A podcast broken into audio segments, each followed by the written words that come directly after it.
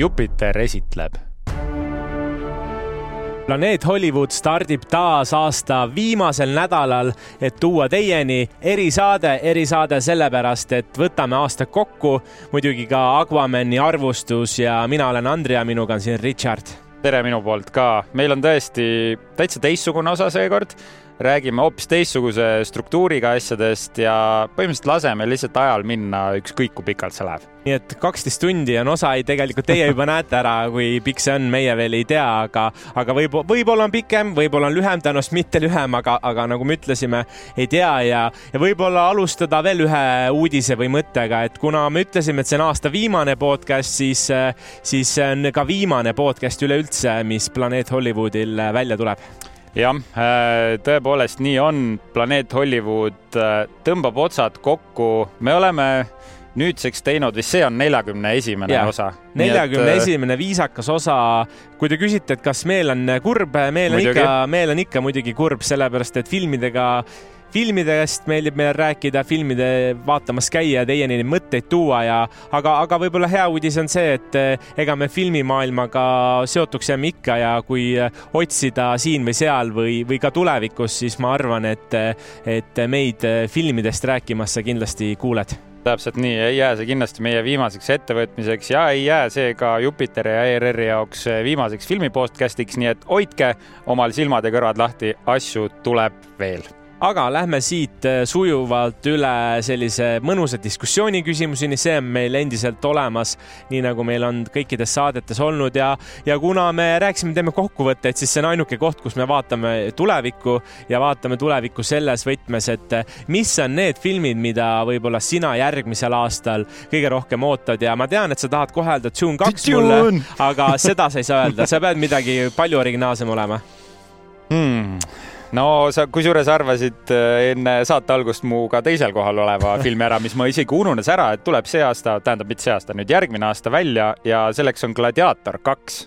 On, mis on, mis on väga veider projekt, väga veider, et üldse sellele filmile järg tuleb, aga Gladiatori esimene osa on minu lemmikfilm läbi aegade number üks. Mm.. nii et kui sellele tuleb teine osa välja, no see läheb paratamatult sinna listi ülespoole väga hea, mina ootan näiteks Jokeri teist siis filmi. esimene oli väga selline heas mõttes tume, sünge, eh, sissevaatav ja, ja teine peaks olema selline muusikalisem ka, ma arvan, tume, ma ei tea, et, et sellel aastal, jällegi, ma ei tea, miks me salvestame seda kaks tuhat aasta, kaks tuhat kakskümmend kolm, kogu aeg räägime sellel aastal, tegelikult on ju järgmine aasta. Ja häid filme minu meelest veel, et kui ma vaatan, mida nimekirjast mina veel ootan, on Deadpool kolm kindlasti, väidetavalt siis Marveli ainukene film ja, ja Madam Web, mis peaks olema siis äh, nais äh, Spider-man kõik need filmid, mis me oleme praegu maininud, on kas mingid osad või mingid frantsiisid. ma küsin sult niimoodi, millist filmi sa ootad, mis ei oleks kas Marveli või DC või mingisuguste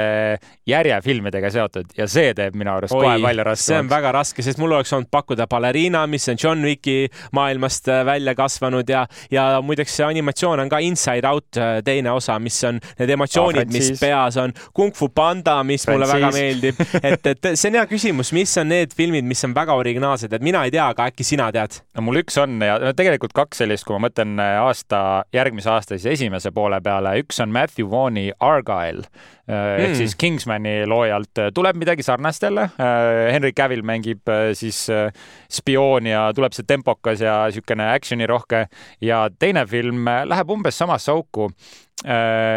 Vau, Ryan Reynolds ja Emily Blunt kaskadöörifilm ja selleks filmiks on loomulikult Fall Guy. ei, ma ei guugeldanud seda just välja see tuli mul endal meelde ja see on ka jär-, järjekordne selline peadpööritav action film, mille treiler oli meeletult lõbus. nii et eh, tundub, et teatkraam on tulemas ja muideks üks tähelepanek veel, kui me rääkisime uutest filmidest, kui ma tegin seda selle aasta toppi, siis mul oli kogu aeg tunne, et sellel aastal oli no nii palju häid filme ja kui ma tegin seda toppi, siis äh, ausalt öeldes minu meelest ei olnudki nii palju häid filme, et kui ma võrdlen näiteks mm -hmm. järgmise aastaga, siis mul on tunne, et neid suuri filme on isegi rohkem ja see on loogiline, sellepärast et koroonaaeg oli ja streik ja kõik asjad, et nüüd hakkab neid vaikselt, äh, vaikselt järjest rohkem tulema. mul oli kusjuures just vastupidine tunne, et kogu aasta vältel ma mõtlesin, et see on päris nõrk filmiaasta. ei mm. ole väga palju head tulemas ja enamus filmid, mida ma ootasin, vedasid mind alt ja selle aasta lõpp oli see, mis hakkas minu jaoks, tuli kui üks raske haamer ja hakkas virutama oh. ja seda vedas PÖFF suurel määral noh, siis, siis, siis nii on, mul oli jah, kuidagi teine tunne, aga väga hea, et mul oli aasta läbi hea tunne ja mm -hmm. aasta lõpus alles nii-öelda avastasin, aga tegelikult ega selles suhtes äh, vahet ei ole, häid filme oli. et see ei tähendanud, et häid filme ei olnud, lihtsalt võib-olla neid ei olnud nii palju, kui oleks äh, tahtnud näha ja täna ka räägime veel siis lisaks oma topile, räägime filmidele, mis teenisid enim kassatulu. põgusalt käime selle läbi, sest raha on see, mis paneb rattad liikuma ja lõpupoole ka mainime, et mis on meile endale endale pettumust valmistasid, et mis ei olnud võib-olla kõige halvemad, aga mida millest ise, ootasid palju, millest ootasid palju ja, ja tead, noh, ei tulnud ja ma võin ära öelda, et üks film ajas mind magama, aga mis film see on, noh, seda ma veel ei ütle, aga ennekõike seda ikkagi nädal on ajal ka, kuna kinodesse jõudis uus Aquaman kahe film või teine osa siis Aquamanile ja sellest ka räägime nüüd kohe põgusalt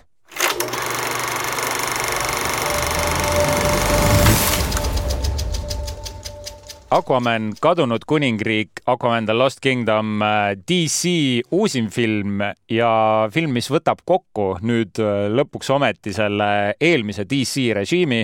Äh, filmi lavastajaks James Wan, kes on justkui tuntud rohkem õudusfilmide režissöörina mm, -hmm. Insidious ja Conjuring on tema all siis valminud ja peaosades loomulikult Jason Momoa, kaasa teeb veel Patrick Wilson, Yahya Abdul, Abdul-Mateen kolmas. Amber Heard. Amber Heard ja jah, ja Nicole Kidman ning äh, film räägibki siis sellest, kuidas Arthur Curry ehk Aquaman on tagasi viimast korda, et ära saata siis see vana DC universum ja Arthur on nüüd kuningaks saanud ja isaks mm -hmm. saanud ja ta üritab oma uute kohustustega hakkama saada, kuid pead kergitab üks vana vaenlane Black Manta, kes eelmises filmis tahtis Aquamanile siis isa surma eest kätte maksta ning selles osas pole mitte midagi muutunud.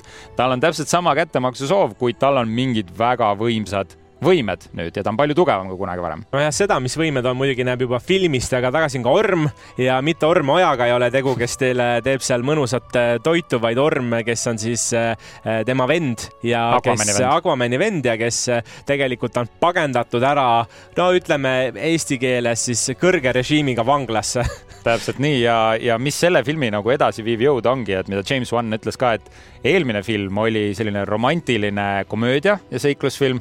Siis nüüd on see mm, selline sõbrakomöödia, inglise keeles on hea buddy cop ehk siis justkui selline tandem, kes teeb koos asju ja see oligi nüüd selle filmi point, et Orm ja Arthur on siis justkui need, kes mm -hmm. kahekesi team up ivad, et selle paalase vastu võidelda. ja ma mainisin ka, kui me käisime, me käisime koos vaatamas seda mhm. filmi mm -hmm. ja ma mainisin juba enne, et kuidagi viskab Thori ja Loki nagu energiat. täiega. et, et noh, seal on ka vennad midagi teevad, onju -hmm., üks vend on natuke halvem, teine on parem, et, et kui ma seda filmi vaatasin ka, et võib-olla ei olnud nagu need poolsused nii nagu hea ja halb, aga siiski seal oli selline mõnus vennalik nögimine, korralik selline üksteise push imine. aga ikkagi ka armastus oli seal oli. all, et äh, vaatamata sellele, mis, äh, mis nagu minevik neil on, siis ikkagi see side oli tugev ja no tõesti, see Loki ja Thori võrdlus on äh, päris hea kui nüüd minna selle filmi arvustuse juurde, mis on sul esimesed tunded? esimene tunne või mõte, ma mõtlesin, et korra räägiks sellest, et no põhimõtteliselt asi, mille peale kõik mõtlevad, kui Aquaman kahe peale mõtlevad, on Amber Heard, et võib-olla korra lihtsalt mainiks seda, et mis ta tegi? Eh, mis ta, mitte mis ta tegi niivõrd, aga sellest, et eh, film pidi ammu välja tulema, Aquaman kaks oli planeeritud juba pea mitu aastat tagasi välja tulema, aga kuna Amber Heardil oli siis eh, kohtu, kohtu selline case Johnny Deppiga, et, et oli, mis oli, aga põhimõtteliselt fännid sellest läksid ikkagi nii pöördesse, et tehti neid petitsioone, paluti Amber Heard välja kirjutada ja minu esimene mõte oli äh, ka, et huvitav, palju ta siis seal filmis on, palju teda näidatakse treileris, noh, nägime teda mingi pool sekundit, ta oli hästi korra seal, ma ei tea, kas seda on nagu paslik öelda ka siin, et äh, palju me nägime teda siis? ma arvan, et võib ikka arutada ja ma peaks ütlema, et äh, üllatavalt palju isegi. väga sest, palju. sest et need artiklid, mis tulid välja, olid, et ta lõigati täiesti filmist välja, talle anti ülivähe ekraaniaega mm, -hmm. et kui ta, aga tead, ma arvan, et see on natuke ka, sa olid valmis selleks ja meie võib-olla eriti, kuna me loeme neid uudiseid, et ja, ja veits ka see, et kuidas sa suhtud Amber Heardi, et iga kord, kui sa näed teda ja inimesed, kes olid meiega veel filmis, ütlesid, filmi vaatamas, ütlesid, et iga kord, kui teda näitas, no nad krimpsutasid nina, nad olid, nad no,, neil oli vastik tunne kohe mm -hmm. ja ma arvan, et see venitas kõik need stseenid pikemaks see venitas pikemaks ja, ja just see ka, et, et tegelikult näiteks kui nüüd film Ameerikas lavastati ja need filmitegijad olid kohal, siis talle öeldi, et ära tule no,. et ja, ja, ja ma arvasin, et teda on vähem, teda oli rohkem, ta ei olnud küll äh, võib-olla nii pearollis, kui äh, ta oleks muidu olnud, et tema roll oli vähendatud, ta oli nagu kõrvaltegelane, kes toetas teda seal, aga, aga aga võt-, aga ta oli ikkagi ka võtmetegelane, vaata, ta oli vähe, aga ta tuli nii olulistel hetkedel, et sa saidki aru, et ahah nad ei suutnud teda täielik, täiesti välja kirjutada, sest nad ei saa ka, sest nagu noh, mütsme, Artur sai isaks, on ju, kes ikka mm -hmm. lapse ema on, eks ole, ta peab olema mingil määral siin filmis sees ikkagi. jah, ja kuna tegelikult filmi keskseks oli ka see laps ja lapse kasvatamine, siis äh, ei olnud võimalik seda ära nii-öelda peita. et ma tahtsingi võib-olla selle mm, -hmm. sellest korra alguses rääkida, et äh, kuidagi see on oluline, aga kui filmist endast rääkida, siis äh, no lühike kokkuvõte, et oli värviline, toimus mm -hmm. seal palju sellist action'it, ta ei olnud võib-olla kui me Marveli filmidel näeme, et hästi lapsemeelseks on mindud, et seda lapsemeelsust oli ka, aga palju. minu meelest oli äh, ikkagi leitud ka balanssi sellise huumori, action'i ja selle vahel, et ta ei olnud minu jaoks aasta parim selline superkangelase film, aga ta oli piisavalt soliidne, kui nüüd jätta see Amber Heardi asi sealt täiesti välja, et jätta tema kõrvale ja anda filmile selline tunnetuslik asi, siis äh, ma ei tea, või mis, mis muljed sul jäid? mul on väga sarnased ja et kui ma peaks nagu ühe lausega kokku võtma, siis meeletult lõbu lõbus ja peadpööritav seiklus oli see. oli jah, tõesti. ja sa ütlesid, see oli värviline, seal toimus kogu aeg palju. Äh, kui võrrelda esimese filmiga, siis mm -hmm. mille ka James Wan lavastas, siis äh, režissöör suutis seda tooni ja seda kamraadilikkust jätkata ja, aga tõi noh, pisut teises võtmes, eks ole, seekord nagu mainisin, see romantika, nüüd oli see rohkem selline poissidevaheline näklemine.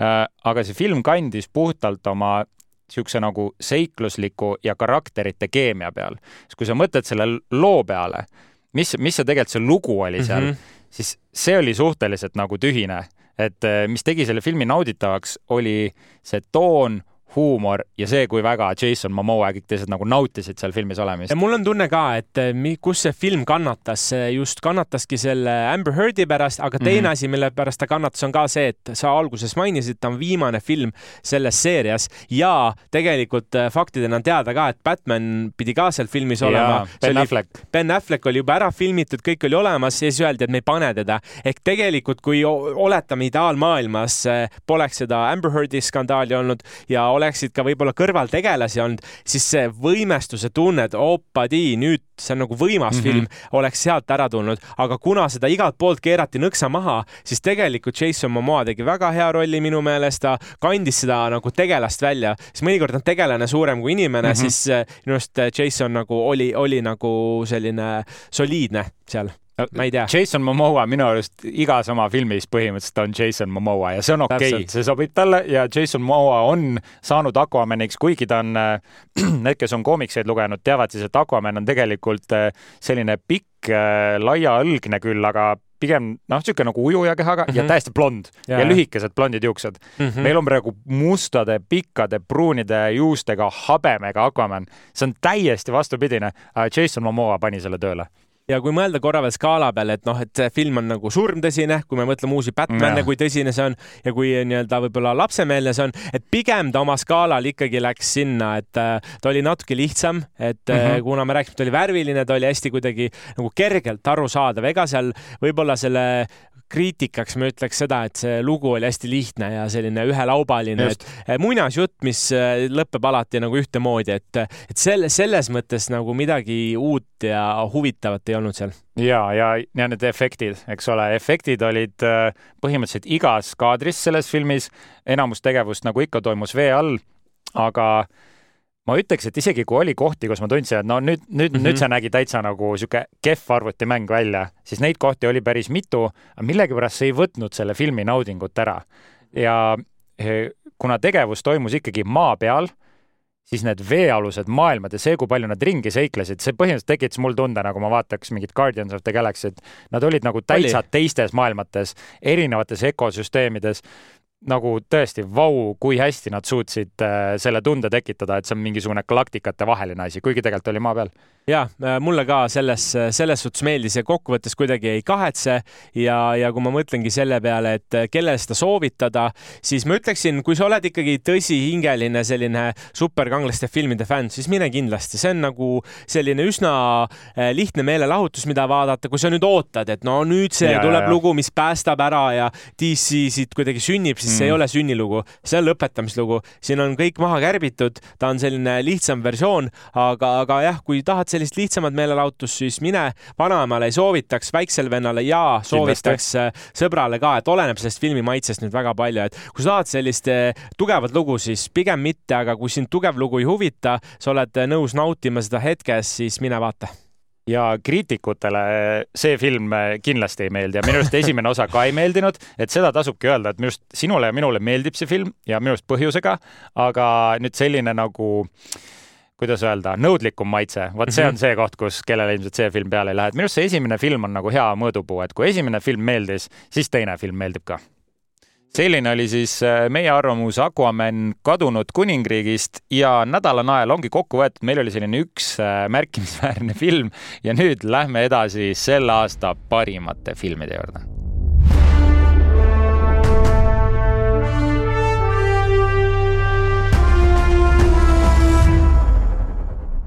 aga enne kui vaatame, mis on parimad filmid, siis muidugi piilume rahakotti. palju inimesed on välja käristanud filmide eest ja, ja on sul äh, pakkumisi, ma tean, et sul on kindlasti mõned pakkumised. no vot, nemad, nemad on top viies olemas, aga on sul mingeid selliseid äh, filme, mis sa arvad, et no minu topis ei olnud, aga kindlasti on seal enim kassatulu teeninud filmide hulgas? Ma arvan, et seal on. Äh, globaalselt, ma ütlen ka, et me räägime globaalselt, me ei räägi siis kohalikust Ameerika turust, räägime kõikidest. ma arvan, et ikkagi Galactica valvurite kolmas osa võib seal olla, aga ausalt öeldes mul praegu rohkem ei klikigi peale Barbi, Oppenheimeri, Galactica valvurid, sest ma ei usu, et Spider-verse nii palju teenis.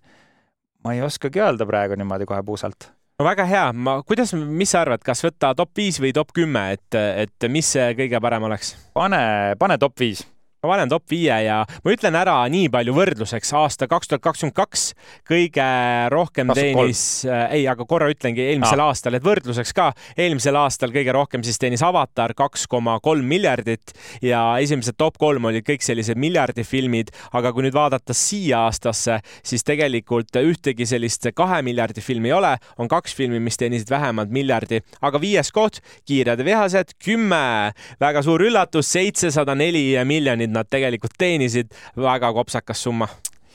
oh, Vin Diesel, see, kes teab, see teab jah, Vin Diesel on siin ka, no me ei oska veel hinnangut anda, et tea, esimesed ütleme, sellised säutsud ja kirjad on välja tulnud, et Vin Diesel on äh, siin saanud süüdistuse. seksuaalse kuritarvitamise osas. no mingi jah ja,, seal mingi, mingi, mingi värk seal toimub, et äh, noh, seda nüüd ei tea, kuidas see läheb, aga, aga vähemalt filmid praegu Mm -hmm. kiired vihased endiselt läheb inimestele peale.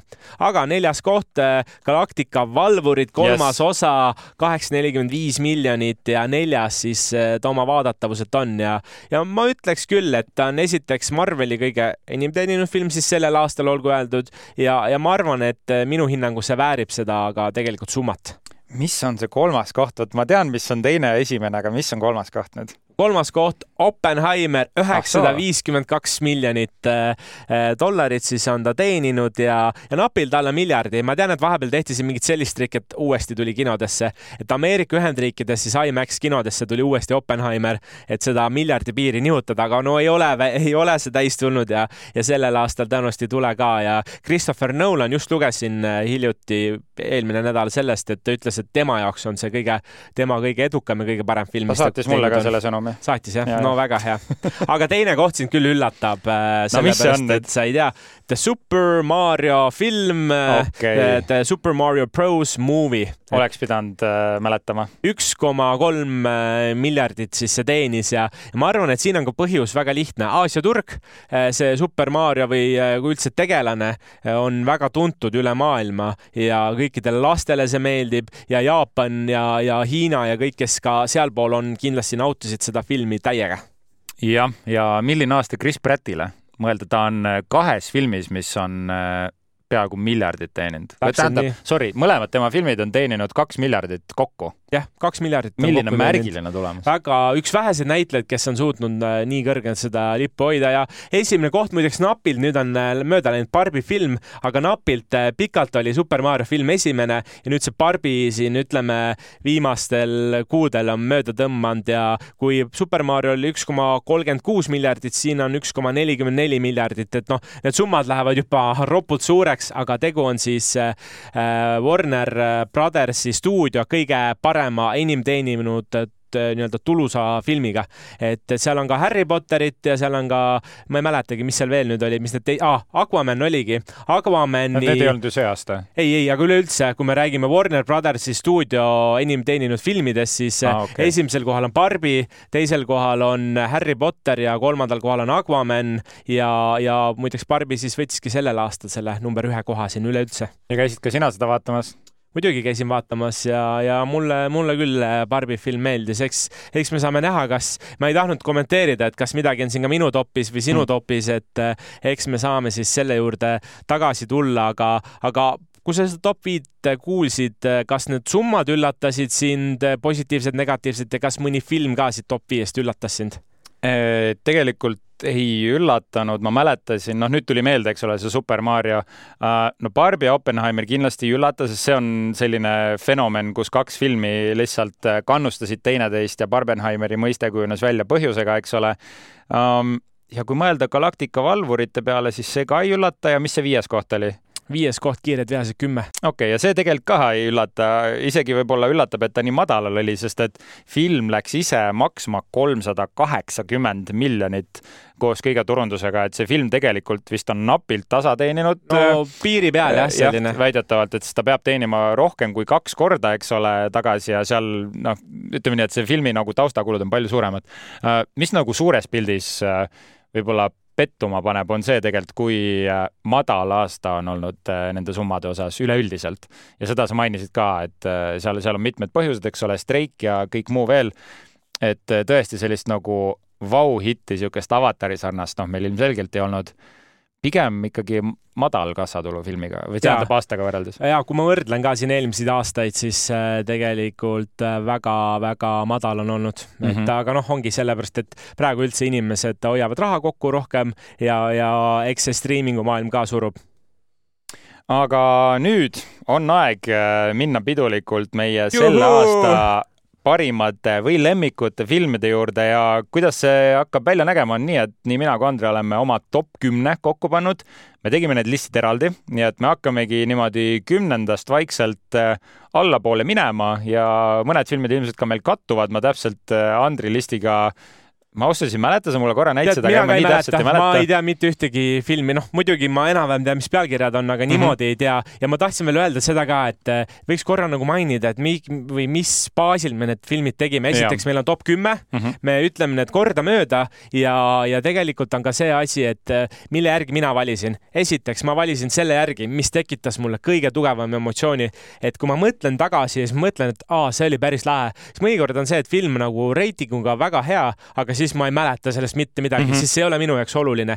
teine asi, et eh, lisaks sellele, et ta oli eh, emotsionaalselt hea, pidi olema ka ta vähemalt visuaalselt okei okay.. siis mõni film on see, et okei okay,, et emotsionaalselt tekitas väga suure tunde, aga tegelikult visuaalselt oli kehva. ja kolmas asi, kõige olulisem minu puhul on lugu ka, et lugu pidi ka olema, et kui kõik need kolm asja olid olemas, suur emotsioon, visuaalselt ilus ja minu jaoks köitev lugu ka, siis ma ütlen, et äh, esimene see on. Äh, kuidas sul? minu, minu list on mõjutatud väga tugevalt ühe ürituse poolt ja selleks on spoiler PÖFF. Äh, mul ei ole kunagi nii palju filme PÖFFil head muljet jätnud ja see mõjutas väga tugevalt mu listi ja ma ütlen, siin on suured filmid, mis jäid minu top kümnest välja. aga enne kui me oma top kümmet ette loeme, et me tegime ka niisuguse otsuse, et me räägime kahest filmist, mis ei mahtunud meie top kümnesse, mille me lihtsalt tahame ära mainida, aga need kaks filmi ma jätaks ma jätaks listi lõppu. ja need võiks teha niimoodi, et enne kui me lähme näiteks top kolme juurde, võiks siis teha. esimese. või esimese, et auväärsed mainimised mm -hmm. siis eesti keeles, et võiks, võiks lihtsalt mainida ära tõesti need värgid, aga ma arvan, läheme kümnenda koha juurde või kuidas sul tunne on? teeme kivi-paber-käärid, üks, kaks, kolm näiteks. kivi-paber-käärid, üks, kaks, kolm. nii, mina võitsin, mina alustan äh, meelelahutust teile siia podcast'i ka, aga mul kümnes koht, olen äh, varem öelnud ja te teate ka juba ilmselt, et õudusfilmid ei ole üldse minu minu teema, aga kuidagi ma ei tea, kas see on Richardi mõju olnud või on lihtsalt see, et neid õudukaid on ka tehtud teistmoodi, pehmendatud ja noh, kas ta on ikkagi päris õudusfilm või mitte, aga Karje, Scream äh, siis äh, mitmes see oli, kuues äkki jah? Karje kuus, see on ka minu kümnes. on jah tead, ma, ma täna natuke muutsin oma listi ja mitte sellepärast, et sinu listi järgi, aga ma panin, mul jäi alguses Karje kuus välja ah,. ja või? ma lükkasin ta kümnendale kohale. sellepärast, et äh, miks ta mulle meeldib äh,, minu jaoks ta on äh, selline ülikodune äh,, väga meelelahutuslik äh, ja, ja kuidagi tabavalt vaimukas, et mm -hmm. see, et see film räägib sellest, kuidas ka filmides, ma ei tea, nii-öelda asju yeah. tehakse, no ma ei tea, kes selle välja mõtles, aga nii hästi koostatud ja ta ei ole võib-olla ka hinde reitingu poolest nüüd mingi noh, ma ei tea, kaheksa koma null, ta on kuus koma viis, aga selle eest, selle eest äh, ma vaataks seda iga kell uuesti ja ma olen seda filmi juba kolm korda see aasta kokku vaadanud ja see Karja kuus tegi ka selles mõttes ähm, Äh, võttis riski ette, et üldiselt on see tegevus toimunud alati seal Woodsboro linnas, siis nüüd nad läksid välja, nad läksid New mhm. Yorki mm -hmm. minu teada või oli, vist oli New York New ja York põhimõtteliselt oli, läksidki täiesti nagu teistsuguse loo peale ja pagan võtaks ma pean ma, nagu see on, see on peaaegu parem isegi, see on peaaegu parem kui need äh, nagu originaali ei ületa miski, aga tead, see oli nii hea otsus ja see tehti nii hästi, et äh, Melissa Barrera ja Jenna Ortega ka, kes nüüd kahjuks vist ei jätka enam no,, olid nii äge lisandus. sellest on küll kahju jah, et, et järgmised osad ei pruugi enam nii head olla, aga just need, ma ütleks kaks viimast, eriti see, et mul praegu tekkis see isu, et ma lähen täna koju lihtsalt vaatama seda, sest äh, väga tabav ja tõesti, kui keegi näinud ei ole, siis äh, mina ei ole neid esimesi skriine Scream'e üldse näinudki, mina hakkasin kuskilt mingi neljandast vaatama, neljas, viies, kuues olen vist näinud ja, ja see on mu lemmik nii, aga kuidas me nüüd üheksanda osa ei, no... või selle üheksanda koha juurde läheme, sest meil kattus.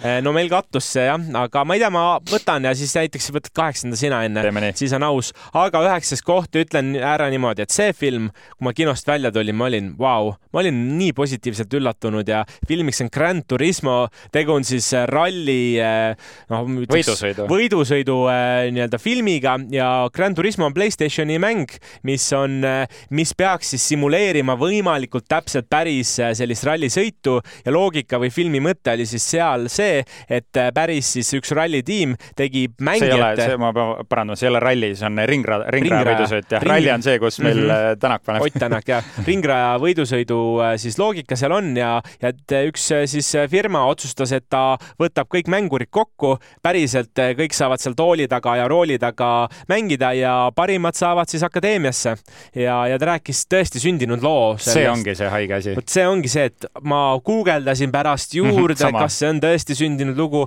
Ja seal on üks, äh, kes näinud ei ole, ma ei spoil'i üldse sisu, aga seal on üks selline hästi traagiline koht.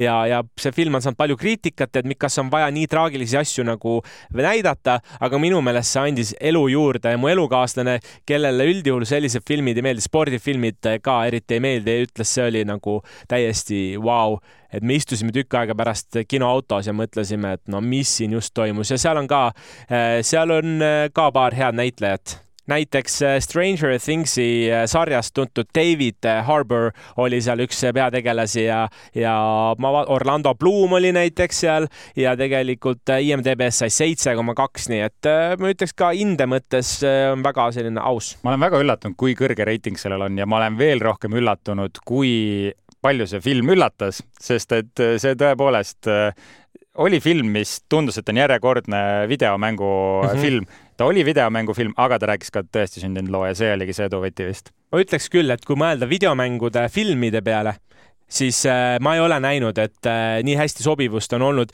meil on Assassin's Creed'i näiteks äh, film tuli välja, kohutav täiesti, väga ootasin, et, et neid on veel, okei okay,, Super Mario, ka videomäng toimis. ma, kusjuures seda ma ei käinudki vaatamas. seda Super Mariot ka ma ei ole näinud kahjuks, aga, ja seda ei ole ka topis siin yeah., aga tõesti, kui keegi tahab sellist ma ütleks, seal on põnevust, seal on võistlusmoment on hästi lahe ja see on noortest, noored seal, noorte suhted, noorte selline pürgimine mm, -hmm. puhas talent, toores jõud nii et äh, soovitan minu üheksas koht on nüüd äh, see, kus tuleb esimene Buffy film äh, sisse ja selleks on Vaesekesed ehk Poor Things. Jorgos Lantimos on põhimõtteliselt režissöör, kelle filmid mulle üldse ei meeldi.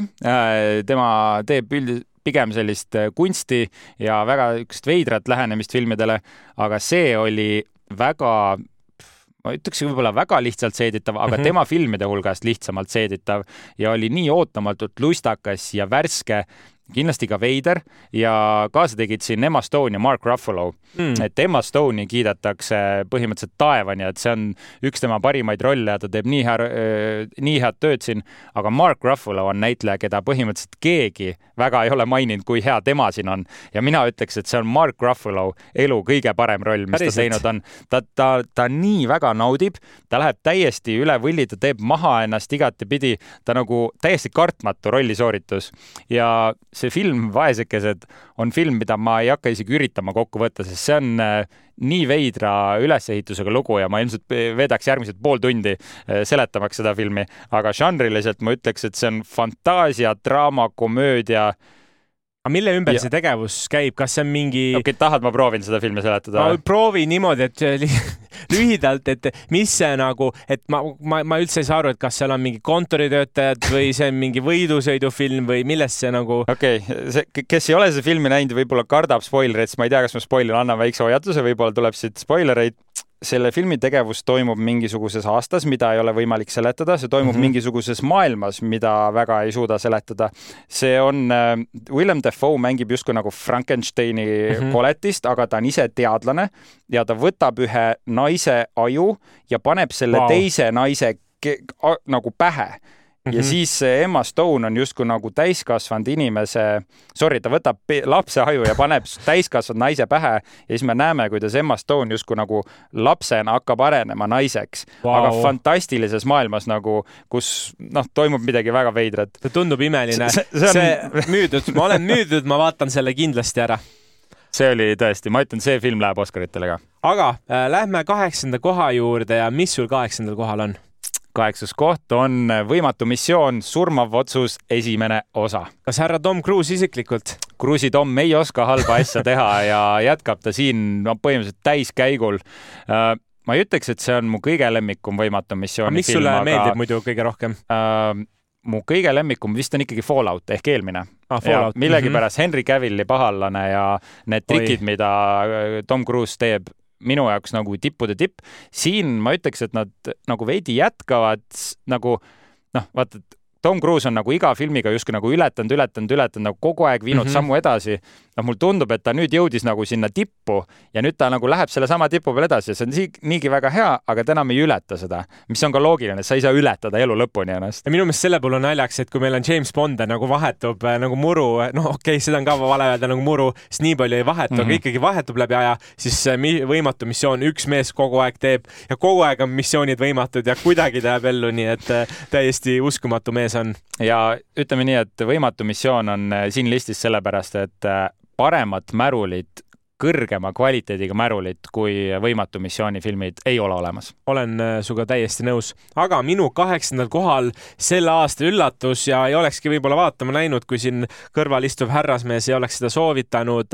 Godzilla minus one, eestikeelset tõlget ei olegi, aga oletame, et on miinus üks siis ja tegu on Jaapani Godzilla filmiga, mis on no pungil äh, esiteks äh, siirast emotsioonist ja. ja see, kuidas näidatakse lihtsalt lihtsaid tundeid läbi sellise pildikeele ja, ja pluss siis see Godzilla veel sinna otsa siis ma ütleks, see on täiesti imeline, et, et selle aasta, ütleks, kui ma peaksin ül-, panema eraldi kategooria üllataja, siis tema oleks kindlasti seal sees ja tegu on siis sõjajärgne Jaapan, kus, kus siis on, asjal on päris suur madalpunkt ja tegu. teise maailmasõja järgne. jah, teise maailmasõja järgne aeg, kus siis üks enesetapulendur mm -hmm. jääb ellu ja kuidas tema lugu hakka, hakatakse rääkima, kuidas, kuidas temast saab siis pärast ikkagi lunastaja, et see on kõige olulisem ja, ja jaapani keeles üldse ja, ja ma tean, et maailmas veel noh, kuna aasta lõpp on, aga jälle lugesin UK-s avatakse jälle veel kinoseansse, kaks päeva pidi olema, nüüd tehakse veel otsa, et äh,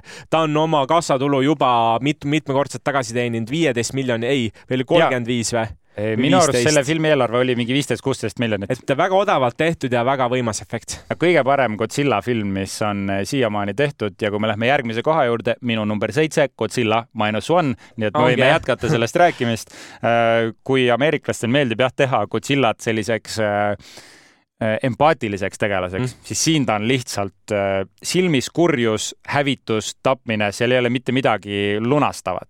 ja see on just äh, see, mis sellele filmile minu arust andis seda värskust ja teda on ka võib-olla mingi mingi kümme minutit on äkki Godzillat võib-olla siin filmis üldse korraga. Godzilla ei olegi võib-olla, no ta on küll põhitegelane. aga ta ei ole nii oluline. ta ei ole nii mõttes. oluline mm, -hmm. et eh, just see, et kuidas inimesed omavahel suhestuvad, et ja. kui on selline raske asi nagu sõda ka olnud, eh, mida, mida Jaapanit tabas, on ju, siis et kuidas nagu sellel ajal ellu jääda ja kuidas selline kasvada, see on arenemislugu, see on, ta ei, ta ei näita ühte aastat, ta näitab mingit perioodi ja, ja, ja kuidas inimesed arenevad ja ennast kokku koguvad ja uuesti leiavad ja, ja seal võib ka metafooriliselt öelda, et tegelikult see see Godzilla oli näiteks Ameerika Ühendriigid või et, et, et seda, vot see on lugu kõige paremas võtmes ja raha ei olnud nii palju, aga selles nagu loo osa on üks paremaid. ja näha ei ole seda, et siin oleks kuidagi kokku hoitud, see tundub ikka noh, okei okay,, sa või noh, selles mõttes ei ole nii suuri plahvatusi, kui seda on see Godzilla kongis ja nendes, aga. ainuke asi, mis mind filmi puhul häiris, oli selle Godzilla naeratus. ta oli kogu aeg üks naeratus oli. naeratus või? tal oli selline näomuie, mis oli alguses okei okay,, aga pärast nagu ainuke asi, mis mind reaalselt terve filmi puhul häiris. võib-olla ta teadis midagi, mida meie ei teadnud no vot, võib-olla tõesti. aga ka neile on see film, ma arvan, väga huvitav, kellele võib-olla või noh, täiesti kindlasti meeldib see Jaapani kultuur ja selline respekteerimine ja niisugused kindlad reeglid, mis mm -hmm. seal on, et seda oli hästi palju sees siin ka ja aga lähme edasi seitsmenda koha juurde, Galaktika valvurid, kolmas osa, sina ütlesid seitsmenda koha ära, aga mul on siis Galaktika valvuri kolmas osa. ma pean tunnistama, et siin on mitu põhjust, miks ta ka siin topis mm -hmm. on. esiteks on see, et Galaktika valvurid on läbi aegade ühed mu lemmiktegelased Marveli universumis. Nad on kuidagi äh, Nad on tiim, nad on hea kombo, nad töötavad. Eh, Chris Pratt eh, selle Star-Lordina peategelasena, ta on lihtsalt vaimukas, see muusikakeel kõige ainulaadsem, mis filmides olnud on, me teame alati, kui see film hakkas me esimesest osast nägime. saame head soundtrack'i. saame, kuidas, kuidas kasutati ära eh, seda nagu muusikat selle filmi nagu esiletoomiseks ja need vanad kaheksakümnendate mm -hmm. muusikad, ma hakkasin mõnda laulu kuulama, mida ma ei oleks võib-olla mitte kunagi kuulanud, et, et eh, Guardian of Galaxy mõju minu elule on olnud suur ja see on minu austus ka neile, et ja kolmas osa oli tegelikult vaatamist selles suhtes väärt ka, et kui Marvelil muidu sellel aastal oli halvasti, siis ma ütleks, see oli nende kõige parem projekt, et ta ei olnud olnud võib-olla, ta oleks saanud kindlasti veel, veel paremaks minna, aga minu arust austusväärne seitsmes koht äh, talle kuulub kas sa panid tähele, et Aquamani filmi lõpus oli Guardians of the Galaxy esimese osa üks põhilugusi, mida nad kasutasid Aquamanis mitu korda ja vaata, sa ütlesid, et äh, Guardians of the Galaxy on mm -hmm. teinud äh, nagu ainulaadselt seda tüüpi nagu soundtrack'id kuidagi kuulsaks või nende kasutamise, siis nüüd kõik matkivad neid no,. enam ta vaata ei ole ainulaadne mm, -hmm. aga nad mhm. olid selles mõttes esimesed küll et äh, tekitasid nagu selle pretsedendi. nii, ja see oli sinu äh, seitsmes, seitsmes koht, koht.. Lähme kuuenda koha juurde üle ja kuues koht mul on Oppenheimeri film. ma arvan, et see Richardi topis ka, aga ma ei tea, mitmendal kohal veel, aga no miks ta kuues koht on, mitte näiteks esimene või teine, väga lihtne. minu jaoks oli filme, mis olid veel paremad ja miks ta võib-olla kuues on veel, on see, et jah, ta oli küll äh, Christopher Nolani äh, selline äh, meistriteos, aga minu meelest ei olnud tema kõige parem film. et, et, et ta oli, ta oli nii nagu ta oli sügav, aga ta oli ajalooline ka, arvestage, et tegelikult sul on lugu ette kirjutatud, sa ei saa muuta lugu, sa ei saa muuta lõpptulemust, sa saad muuta seda sisu. ta oli looliselt väga efektne, väga detailne, võib-olla kohati isegi liiga detailne. kõige suurem kriitika, mis ma filmi kohta saan, kuulnud olen, kõik ütlevad seda.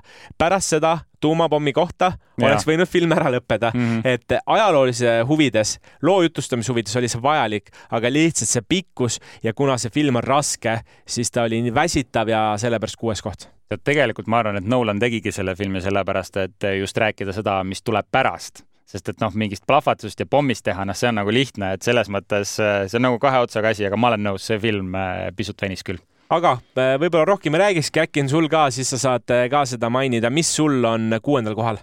kuues koht, Ämblikmees üle kogu multiversumi no,. Äh, siis film, mis tehti teise osana mm., Ämblikmees siis issand, ma ei mäletagi, mis esimese osa nimi oli, teine oli Across the, Into the Spider-verse ehk siis ja. multiversumisse või? no põhimõtteliselt küll, jah. ja, ja teise osa puhul oli see veel rajum ja veel crazy im kui see esimene film, aga ta jätkas oma seda head kvaliteeti ja viis need karakterid kaugemale ja siis võib-olla sihuke kiire lühitutvustus, et äh, siinkohal on peaosas siis Miles Morales, mustanahaline noor poiss, kes saab Spider-maniks ja seda tehakse animatsiooni teel, justkui nagu sellise joonistatud animatsiooni teel, mitte siis selline kolmemõõtmeline animatsioon, mis tegigi tast väga jällegi originaalse ja erilise lähenemise. ja esimene osa sai ju ka Oscari, vähemalt ühe, kui Täpselt mitte, oli äkki mitu parim või? äh, animatsioon, jah. parim animatsioon ja tõesti see, ma, ma lihtsalt ütlen korra ära, et mul on see järgmine, mul on see viies koht, et ma korra lisan sul, see on, meil on hea nagu minek, onju, aga ma tahtsin lisada, et miks ta mulle niivõrd väga meeldis, oli lihtsalt see, et midagi visuaalset, nii apetiitset ei ole ma sellel aastal kinodes näinud. nii et kui ma peaksin andma visuaalselt kõige parema filmitiitli, ma annaksin talle, et ta kombineerib lihtsalt eh, ka, toon näite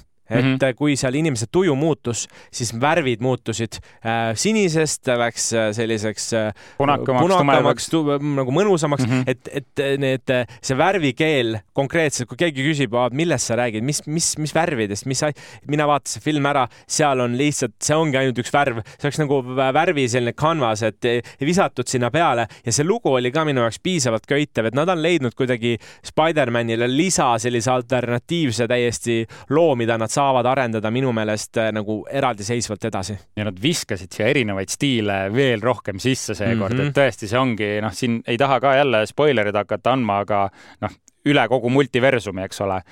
pealkiri ütleb ära, et kui ta käib seal te teistes äh, multiversumites, et äh, noh, seal saab nii palju mängida ja, ja mis ma ütleks veel, et selline lähenemine, nagu see Spider-verse'ide film teeb, see hoiab animatsiooni elus ja tugevamana kui ei kunagi varem. täpselt nii, ma midagi rohkem, rohkem ei oskagi öelda, see oli ka minu viies koht, mis sul viiendal kohal on? viies koht on film Air.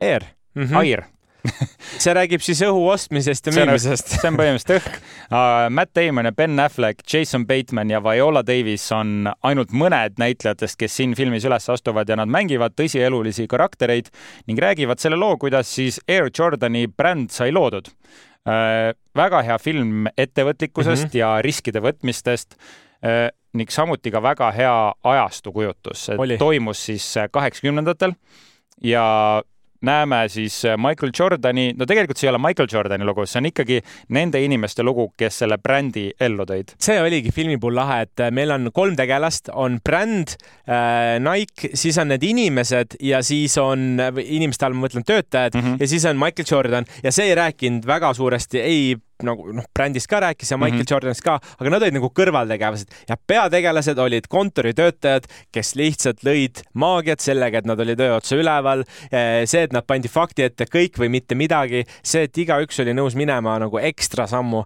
vot see ka mulle täiega meeldis ja, ja ma, ma pean tunnistama, et mina olen seda filmi kaks korda näinud kinos, et ma ei vaata väga palju filme kaks mm -hmm. korda, aga, aga tõesti esimene kord, kui ma nägin ka Sõnatu ka aasta üllatajate kategoorias kõrgel jah, see tõesti, see film üllatas ja need kõned, Matt Damon ja Jason Bateman, kaks meest, kes minu arust pidasid siukse kõne maha siin filmis, et eh, noh, neid juba üksi vaadates nagu sul sa motiveerud sellest ja. ja Viola Davis samamoodi, kes siis Michael Jordani ema mängis, kui ta seal filmi lõpus pani mm. selle, pani noh ütleme nii, et pidas selle ülimalt tugeva kõne maha. et äh, see on üks tugevamaid draamafilme just nende äh, heade eh, vestluste eest, et nagu vestlusi on tegelikult päris raske kirjutada filmi niimoodi, et nad müüksid mm -hmm. ja need olid nagu müügikõned ja ma olin ka müüdud, ma tahtsin kohe nagu, ma, ma mõtlesin, ma lähen ostan paari jalanõusid stiilis onju,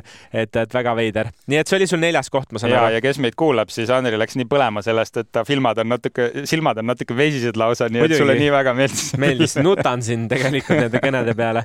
aga mul on eh, neljas koht, eh, Barbi film, panin ta neljandaks mm.. kõrgemale kui Oppenheimer. jah, on, on. Ja ta on kassatulu mõttes ka, aga ma ütlen väga lihtsalt ära, miks. Ja ma tean, et see on see film, mis on väga palju poleemikat tekitanud, ei meeldi, meeldib, aga minu jaoks oli see, et eh, see haip oli väga suur, ma ei osanud mitte midagi oodata, no mitte midagi ei osanud oodata. Ja lihtsalt see viis, kuidas nad lähenesid sellele maailmale, ma ei olnud midagi sellist näinud, et mm -hmm. ma toon jällegi näite, näiteks kui Barbi seal alguses kohe ärkas, ta ei läinud trepist alla, ta ta tõsteti nagu autosse mm -hmm. sinna, et ta oli väga tehtud äh, sellises stiilis, nagu inimesed mängiksid nukkudega, aga samas ta oli piisavalt sisukas film ja muusikaliselt ka hea. nüüd tuli just välja Oscari shortlist ja I m just Ken äh,. I m just Ken, aga Dance the Night, Dua Lipa laul äh, on ka shortlistis ja ma millegipärast arvan, et äh, see küll võidab selle värgi, aga, aga lihtsalt see muusikaliselt ka, et see on väga hea näide projektist, kus on toodud siis ühe ühe meediamaja eh, muusikud ja näitlejad kõik kokku, on tehtud hea muusika, on toodud originaalne lugu, just see originaalse loo pool ka ja, ja kui keegi küsib, et aga seal ei olnud ju sisu, siis tegelikult, kui nagu filosoofiliselt jälgida, siis seal oli päris palju seda. ja, ja kuigi see film võib-olla kaldub sinna feminismi poole rohkem, siis, okay, siis jah. minu meelest on okei okay ja ma nägin ka väga palju teisi asju just, just nagu süstemaatilisuse mõttes, et minu meelest on selline süsteemi kottiv, kui võib niimoodi nagu öelda ja, ja sellised nagu hästi tehtud kriitilised filmid on äh, minu meelest lahedad ja, ja okei okay,, ei meeldinud, ei meeldinud, aga, aga minu meelest siin on midagi ainulaadset. Ja kes vaatas ka Oscarite shortlistide tulemusi, siis Barbil on kõige rohkem äh, nominatsioone praegu ah,. no ma seda jah, ma tean, et äh, lauludel neil oli kolm laulu on mm -hmm. seal juba, juba laulu kategoorias on ju, nii et äh, eks neil teistes Just, kategooriates see oligi, see oligi see ja ma mainin veel, see on Oscarite shortlist, need ei ole veel õiged nominatsioonid. Need on viisteist siis välja valitud, seal tehakse minust viie peale äkki see või, või? oleneb midagi. kategooriast. oleneb jah ja., aga midagi sellist, aga sul neljas koht on mis? neljas koht on nüüd see, kus minul on Galactica valvurid kolmas osa ma ja. teen sulle aplausi, et sa nii kõrgele panid, sest hinges oleks ka tahtnud ta veel kõrgemale panna, aga lihtsalt äh, minu jaoks oli veel teisi asju see on äh, viimane fantastiline Marveli film äh, ja see suutis minu jaoks ületada ka varasemad Galactica valvurite filmid, et teine osa ma ütleks, et võib-olla on kõige nõrgem, esimene ja see kolmas on need, mille vahel ma ei suuda valida, kumb on parem ja mis selle filmi minu jaoks eriti heaks tegi, oli just see, et see keskendus Rocketile ja tema loole ja kui südantlõhestavalt see rääkis Rocketi loo, et ma eeldasin, et ikka Star-Lord on seal peaosaline mm, -hmm. ei olnud. see oli äh, Rocketi lugu, see oli üldse, ma tunnen, et see oli ka kuidagi Marveli luigelaul, et see oli viimane hea pauk nüüd ja nüüd me lähme siit mäest alla ja kukume siit mäest alla. pärast seda Infinity War'i või seda Endgame'i siis oli suur lõpp on ju, nüüd tuli veel üks hea maiuspala, ma olen selles suhtes nõus küll, et, et sellel aastal ja ma ei mäleta viimaste filmide seas ka, mis oleks nagu nii hea olnud, et mul juba kahetsen, et ma ta nii alla panin, kuuldes, et ta sul nii üleval on, nii et jah. aga nii, see oli minu neljas koht, mis on mis sinu? Äh, mul oli Barbi, nii et äh, nüüd sa saad oma kolmanda koha juurde minna ja mis sul kolmandal kohal on? no nii, nüüd, äh, nüüd hakkab PÖFF siin tugevalt mängu tulema ja see on film, millest sa ilmselt ei ole mitte kunagi kuulnud ja ilmselt ei kuule ka pärast seda, kui mina seda mainin. selleks on Kõik loksub paika. ei ole kuulnud tõesti. Falling into place ja see on üks viimase aja ilusamaid ja paremini kirjutatud armastusfilme. see ei ole romantiline komöödia, see on armastusdraama ja eepiline armastuslugu kahest inimesest, kes kohtuvad ühes väikeses Iirimaa linnas ning kelle elud viivad neid laiali ja me näeme, kuidas sellest ühest kohtumisest on jäänud nii tugev ja sügav selline nagu märk nende südamesse. Äh, ma ei tahagi sellest filmist väga rohkem midagi öelda, seal äh, teevad kaasa noh, sellised ütleme keskmist tüüpi staarid. Äh, The Witcheri näitleja, kes käis ka Eestis, Chris Fulton mängib seal meespeaosa ja naine, kes ise ka lavastas selle, Eileen Tesel, äh, see on väga ootamatu film ja tõusis nii kõrgele ja see tekitas, vot see on see film, mis sa mainisid, mis tekitas mus väga tugeva mm -hmm. emotsiooni, emotsiooni seal kinos. see on, see ongi, see on see tegelikult, mida, no mitte kõik, mitte alati, aga see on mm, -hmm. kui sa otsid nagu sellist äh, kvaliteetfilmi, mis oleks ka meelelahutuslik, siis sa ootad seda emotsiooni sealt. ja mul õnnestus selle filmi režissööri ja selle peanäitlejaga ka paar sõna vahetada, kiita teda, ta võitis ka auhinna PÖFFil ja no siin on tunda, et ta on kasutanud enda elulisi asju ja kirjutanud sinna juurde noh, nüüd nagu oma kogemustest ja see on kõik nii päris, nii ehe ja nii võimas ma ei, võtab mind ka sõnatuks ja, ja mul on hea meel selle üle, et ka selline film siia edetabelisse jõudis. aga minu äh, kolmas koht on ja kolmandaks valisin Näljamängude uue filmi mm ma te-, ma olen nagu, ma, mulle tundub, et ma olen ainuke, kellele see nii väga meeldis. ma olen rääkinud väga paljude inimestega sellest filmist ja, ja uus siis Näljamängude film on eellugu sellele äh, klassikalisele Näljamängudele, mis räägib äh, Snowst ja sellest diktaatorist, kes lumest, lumest jah, kes äh, seda Näljamängude värki juhtis ja, ja kuidagi minu jaoks see lugu oli liigutav, see oli nagu justkui mitmeosaline mm. -hmm. ühes filmis oli nagu mitu osa, aga, aga lihtsalt see taustalugu nagu nii võimas teemas, et kuidas näljamängud sündisid. ma, ma pean veel ütlema, võib-olla miks see mind nii palju nagu mõjutas või miks ta mulle meeldis ka et ma ei ole väga see inimene, et kui ma näen head, head filmi, et ma lähen ostan raamatu. mul on kahel filmil on, ma olen läinud ostnud raamatu, Näljamängud ja Tune et ma ostsin nende puhul, läksin poodi pärast filmi, ostsin raamatu ja näljamängude selle eelloo puhul oligi lihtsalt see, et eh, mulle nii meeldis need esimesed filmid, et see eellugu ka äh, väga hea näitlejatöö, ta oli teistsugune, seal oli sellist muusikalist poolt ka, mis mind täiesti nagu kuidagi. oligi nagu muusikal kohati mingites kohtades. rabas ja need näitlejad, nende peanäitleja omavaheline keemia, vot see müüs mind lihtsalt maha, et naljakas, et sul oli romantiline komöödia mm, -hmm. noh, see ei ole mul romantiline komöödia, aga lihtsalt see. ei, mul ei olnud just romantiline komöödia, mul oli tõsine armastus. ah, sul oli tõsine armastuslugu, no mul on äh, selline äh, teistsugune romantiline see suhe ja just selline inimloomus ka, selline reetmine just. ja, ja kogu see olek, et, et äh, jah, see pool, see lihtsalt mind müüs maha. ja see on film, mis minu silmis tõusis natuke pärast seda, kui sina rääkisid sellest, sest seal filmis on palju kohti, mis äh, ei olnud minu jaoks loogilised, ma ei saanud aru, miks see film lõppes nii, nagu ta lõppes mm, -hmm. seal lõpus läks nagu veidi segaseks. Need, kes on näinud seda filmi, need teavad ja ma ütlen, et sa ei ole ainus, kellele see film meeldib, ma tean, et meie suur fänn ja kuulaja Katrin, äh, ta teab, kes ta on, ütles, et see on ka üks tema vist aastalemmikuid. no nii, et täie, täiesti müüdud ja, ja ma ütlen, et sellest peaks nagu pikemalt rääkima, et seda peaks nagu analüüsima, need osad täiesti läbi, et, et võib-olla aru saada, et kui teil jäi mingi asi, ma ise lihtsalt jälle, ma loen hästi palju juurde nagu filmidest ka, et kui mitte enne enne, siis ma pärast äh, ja, ja kui sa need pusletükid saad kokku, siis see terviklik pilt on nagu võimas ja sellise võimsa, mõnusa, aga samas ülimalt meelelahutusliku mulje ta jättis. see oli mu kolmas koht. Äh, sa oma kolmanda vist rääkisid ära või ei ja. ole veel rääkinud? teine koht, äh, mul on Air sina juba mainisid ka seda ja tõesti, see oli nendest filmidest, kus ma kinost tulin välja, olin nagu, mis toimus, ma olen müüdud, et kui film tekitab sellise tunde, et sa tahad hakata nagu kuidagi oma elu muutma või yeah. ma teen nüüd teistmoodi eh, või kasvõi hetkeks, siis see nagu täiesti on, on midagi muud ja ma ei hakkagi sellest filmist väga rohkem rääkima, me rääkisime ära need eh, dialoogid ja kõik, kõik need asjad olid minu, minu pärusmaa. mis su teine koht on?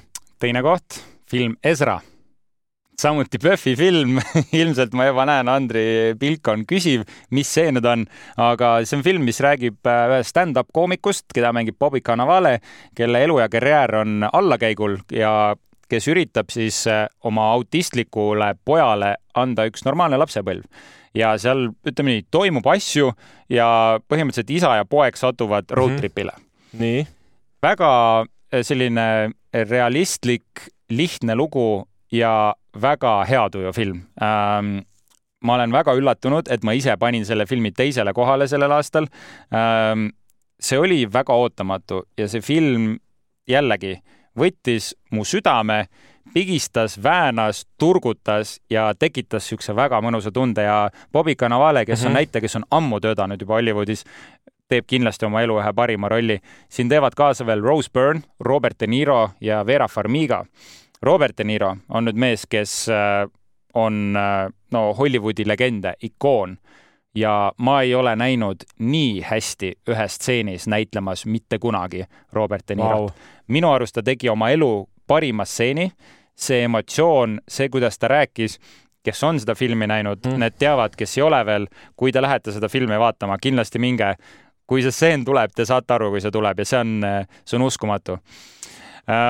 See on äh, üks neid filme, mis äh, ma tunnen, et tekitab selle tunde, et ma nüüd hakkan natuke vanemaks saama, mul ei ole enam esimesel kohal ainult DC ja Marveli filmid, aga mm. -hmm. mul on ülihea meel, et ma leidsin selle filmi PÖFFil üles äh, ja see on jällegi aplaus PÖFFile, et seda filmi tutvustas mulle. no näed, nii et võib tulla väga imetäbaseid asju sealt PÖFFilt ka välja, aga mis su esimene koht on?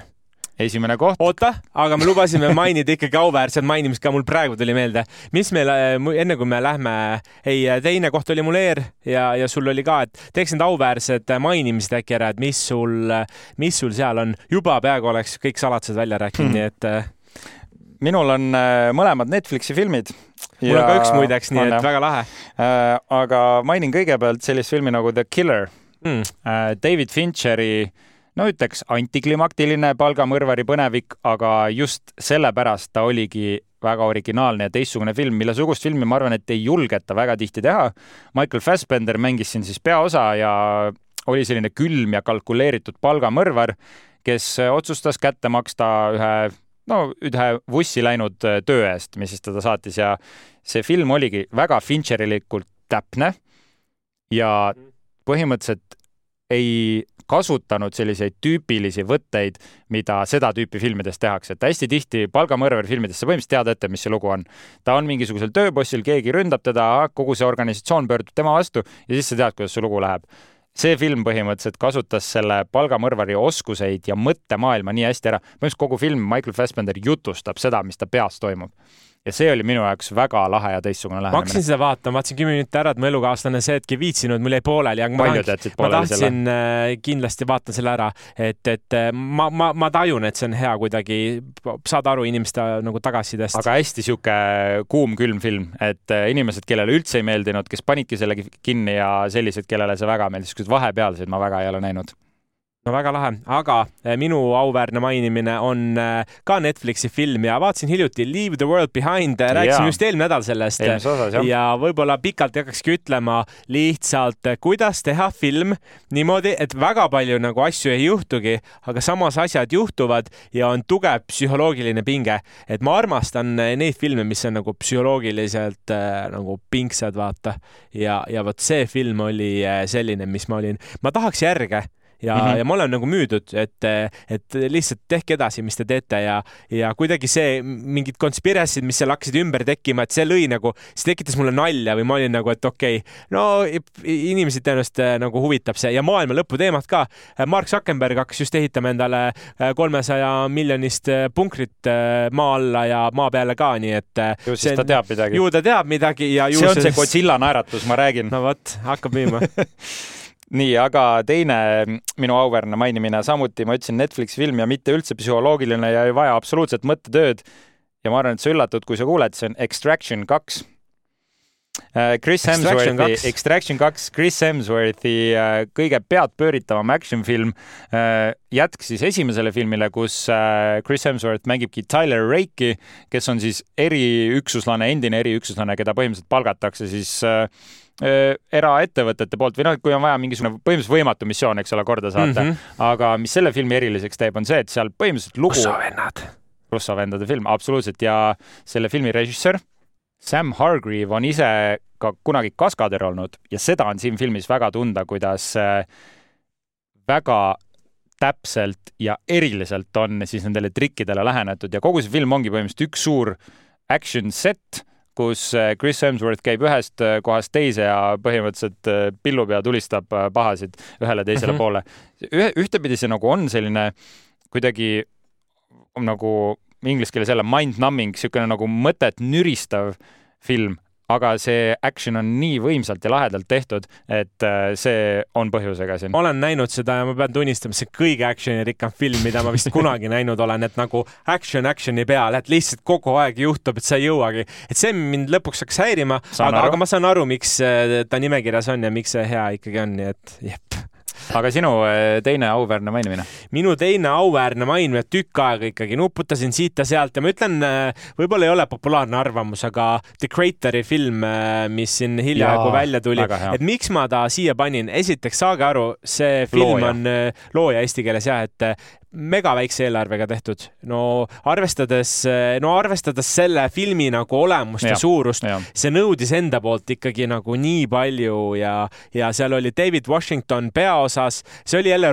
lugu, mis oli teistmoodi, ta oli kuidagi keeratud selle vastu, et muidu on alati see, et on üks suur hea, siis on mingid pahad, aga siin oligi see, et reaalsus polnud kunagi see, mis ta päriselt äh, oli ja mulle kuidagi sümpatiseeris see, see maailma käsitlus ka, et ta oli selline nagu sõjajärgne post, natuke apokalüptiline maailm ja selline tehnoloogia oli väga arenenud ja tehisintellekt, tehisintellekt ja see, et mulle meeldib, et oli võetud see tehisintellekti see teema ka, et sellepärast on minu auväärse mainimise nimekirjas. mul on väga hea meel, et sa mainisid ka seda, sest nii harva ja vähe, kui meil tuleb originaalseid ulmefilme, siis see on üks nendest ja, ja võib-olla natuke oleks olnud veel oodanud sellest, aga kui nad peaksid tegema teise osa ja kui nad saavad ka selle nagu raha sinna taha, siis, siis ma usun, et võib tekkida siit midagi. ma kusjuures vaidlen sulle vastu, mina Päriselt, ütlen, et sellisetele filmidele, tähendab, tehke seesama režissöör Gareth Edwards, tehku mingi järgmine ulmefilm, et vaata, just ongi, mulle meeldib, et see on originaalne ulmefilm. ma ei taha, et iga asi ka frantsiisiks muutuks. et mingid mm. asjad võiksid eladagi omaette ja siis võiks mingi uus mõte tulla ja uus mõte. et muidu meil lõpuks ongi, noh, ma tean, ma nüüd äh, kõlan ka juba nagu mingi torisev vanamees, et meil on ainult frantsiisid ja koomiksifilmid, onju. noh, siis väga seda originaalsust enam ei saa luua. ei nõus, ma olen, ma olen sinuga selles suhtes nõus, aga tahaks alati veel no. ja kaheksakümmend miljonit oli see eelarve, et, et, et jah, oli suurem kui, kõvasti suurem kui Godzillal, nii et ei, ei ole midagi ette heita. aga auväärsed mainimist on vist nüüd läbi ja aeg on esikohaks. Richard, mis sul esikohafilm sellel aastal on? nii, ma palun siia taha eepilist muusikat. ehita, ehita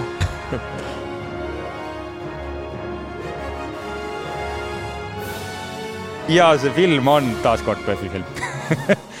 Ja see on Kõik me võõrad, All of us strangers film, millest ma rääkisin äh, mõned nädalad tagasi, kui see PÖFFi linastus, ma täpselt kuupäeva nüüd ei mäleta, aga ma kiitsin seda filmi ja ma ütlesin, et see sai minu äh, läbi aegade paremate filmide hulka.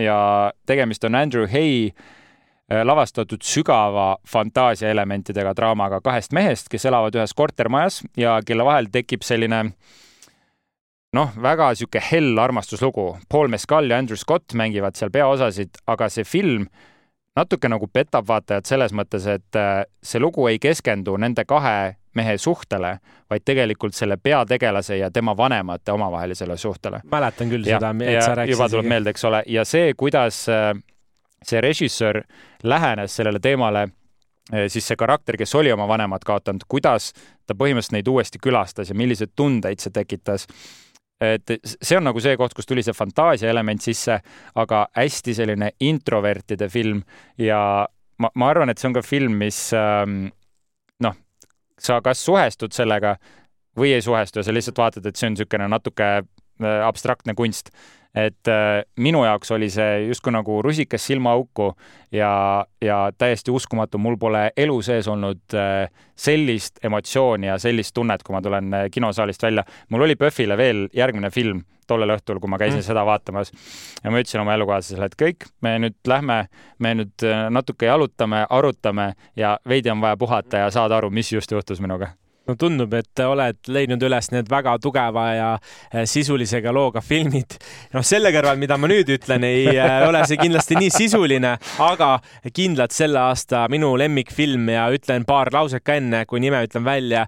see kogemus, see balanss siis action'i, seikluse, sellise kaasahaarat-, haaratavuse vahel, minu jaoks see ongi Hollywood. kui ma räägin Hollywoodi filmidest, siis ma räägin sellest filmist ja Võimatu missioon on äh, see viimane nüüd osa, mis siin välja tuli. ma olin nii müüdud kuidagi ja, ja elukaaslasega ma neid filme tavaliselt vaatan ja võib-olla ta ei ole ka selline kõige suurem nagu selline seiklusfilmide, märulifilmide mm. fänn ja talle ka väga meeldis ja, ja kui ma, kui ma tunnen, et talle meeldib ja mulle ka meeldib ja ma leian need osad, mis mulle väga meeldisid sealt sees, siis ma, ma kuidagi olen äh, väga müüdud ja tõesti, ma veel kordan üle, miks ta mulle meeldis nii väga, lihtsalt see balanss äh, kõikide osade vahel ja minu jaoks jaoks ta on kõige parem võimatu missiooni film, et sulle vist meeldis see Fallout rohkem, aga noh, sellegipoolest ta sinuga topis oli ja, ja Tom Cruise üllatas. et vaata, üks aspekt veel, et kui tehakse järgesi, järje tegemine ei ole enam nii lihtne et järje tegemine tundub, et aa, mis see on, teen jätkab sama tegelasega mm, -hmm. aga järjefilmid, no väga harva, kui läheb paremaks või on hea, tihtipeale ikkagi lõpp hakkab ära vajuma ja kui sa oled teinud nii palju, nagu tema on teinud, siis, siis äh, raske on üllatada, aga üllatab ja sellepärast on ka minu esimene võimas nüüd on äh, mul see tunne, et ma tahan seda filmi uuesti vaadata, aga kusjuures kaks päeva tagasi vaatasin just selle filmi uuesti läbi. nii et äh, sinu jaoks esimene koht, äh, Võimatu missioon, sinu aasta kõige lemmikum film. minu jaoks esimene koht, Kõik me võõrad, All of us strangers. väga erinevad filmid, aga ma arvan, et see on väga hea, et meil sellised erinevad filmid olid. ja tegelikult äh, sarnasusi nimekirjas oli ka ja, ja me lubasime, et äh, siia lõppu veel siis äh, räägime mõnest filmist, mis no olid suuremad ootused aga wow. kukkusid meie jaoks läbi ja ma ütlen ära, ma luba, lubasin alguses öelda, et üks film, kus ma magasin terve filmi mm., oli siis Nicolas Cage'iga, mitte peaosas, aga ta oli siis kõrvalosas Renfield, mis ah. Dracula loo mm -hmm. räägib ja Renfield oli siis äh, Dracula abiline, kes pidi talle sööta põhimõtteliselt ette tassima ja, ja ma ei suutnud, ma ei suutnud olla selle filmi ajal ärkvel, see oli nii kuramuse igav. Täitsa lõpp, see oli, minu arust see oli täitsa fun ja seal olid, no ma ütlen, Nicolas Cage äh, Dracula rollis, mida veel paremat tahta. aga noh, ma saan aru, mm, see film ei läinud kõigile peale no minu jaoks ta oli, vaata see ongi ja, see, et, et ta kuidagi tundus nagu suurem, et oo mm, -hmm. et Dracula lugu, Nicolas Cage, aga Nicolas Cage'il me oleme arutanudki, kas on väga hästi või pigem väga halvasti ja, ja minu jaoks see pigem läks sinna halvasti, et, et nagu ma ei tea, lihtsalt ei kerinud, et aga mis sul on mõni, ma, mul on üks film veel, mida tahaks kindlasti öelda, aga, aga enne, et mis sul veel oli mõni film, mis võib-olla pettumust valmistas sellel aastal? Ja pettumust valmistas äh, siis film, mis millest ma ootasin rohkemat ja see oli just see, millest ma üritasin lähtuda siin ja selleks on Väike merineitsi. väike äh, mm., Väike merineitsi, Little Mermaidi uus versioon äh,, live action versioon. mul olid kõrged ootused, sest mulle üldiselt on meeldinud ikka need Disney äh, live action äh, uusversioonid ja siin kuidagi see film läks ülinapilt selle lati alt läbi, ta ei ole, ta ei olnud nagu nii halb, et ma ütleks, et ta oli halb film, et kui ma annaks mm. talle reaalselt skoori, ma annaks talle viiest punktist kolm, mis on nagu üsna nagu okei okay,, tugev tulemus, aga ma ootasin sellest rohkemat, sellest muusikast, selle nendest äh, no see haip oli ka nagu suur kuidagi selle ümber. et seal see lihtsalt nagu tuli ja läks ja see oleks pidanud olema palju suurem film ja minu, mul on ta selline keskmine, mulle nagu meeldis ja ei meeldinud, ma saan mm -hmm. aru, miks sa ütled, et eriti kui see ootus ongi suur, sellest räägiti ja on oodatud ju, et äh, Disney nüüd toob neid vanu äh, siis äh, animatsioone sellise mängufilmina tagasi ja, ja olid suured ootused, aga üks film, mis no ikkagi tõmbas kogu Marveli värgi mulle noh punasesse ja mõtlesin, et nüüd enam ei viitsi, oli Sipelgamees ja, ja Vapsik Kvantmaania, mis oli aasta alguses ja ma siis küll mõtlesin, et no mis tegelased seal on, seal tundusid täpselt nagu mingid äh, amööbid panid äh, amööbi seljas. see oli nii lõbus tegelane. amööbi seljas ratsutati, ma olin mingi, et siin on minu piir, mulle meeldivad fantaasiafilmid, aga amööbi ma näha ei taha ja, ja oli liiga lapsik, et ma sellel hetkel olin küll, palun ei see oli see film, kus äh, Marvel üritas Star Warsi teha ja see on ka põhjuseks, miks mulle see film meeldis äh, ja minu arust see oli see, kus Jonathan Majors sai nüüd äh, särada gängina, jätame kõik tema isiklikud probleemid kõrvale, eks ole, ja see ilmselt jääb ka viimaseks korra või noh, mitte viimaseks korraks, eks ole, ta oli Loki teises hooajas ka, aga see jääb siis nagu ilmselt ainsaks korraks, kus me nägime tema seda pahalase võimu mm -hmm. ja see, mis temast oleks võinud tulla. Ja, aga on sul veel midagi lisada või, või tõmbame selle pettumust valmistavate filmide nimekirja ka kokku? pettumust valmistavates ei ole, et mul on nüüd järgmine see kõige halvem film see aasta. nii, aga mis selleks on? palgasõdurid. palgasõdurid, nõus. Äh, palga, mis see, mis see neljas osa? Expendables neli, jah, oli küll. Eks, eks neli doubles. jah, jah, täpselt nii, aga noh, see oli selline, ma olen, ma olen samas kategoorias aasta, äh, kui mitte kõige halvem, siis minu jaoks seal top kahes allpool ja lihtne, montaaž oli poolik, poolik film oli pandud ekraanile, ma ei tea, kuidas niimoodi saab. kes, kes selle jama kirjutas, äh, õudsed efektid, kõik oli nagu, no põhimõtteliselt nagu mingi kümneaastane oleks selle filmi kirjutanud, filminud, lavastanud. see oli, see oli lihtsalt kohutav ja, ja mul on nii kahju, et Jason Statham ja Sylvester Stallone sellises asjas kaasa tegid.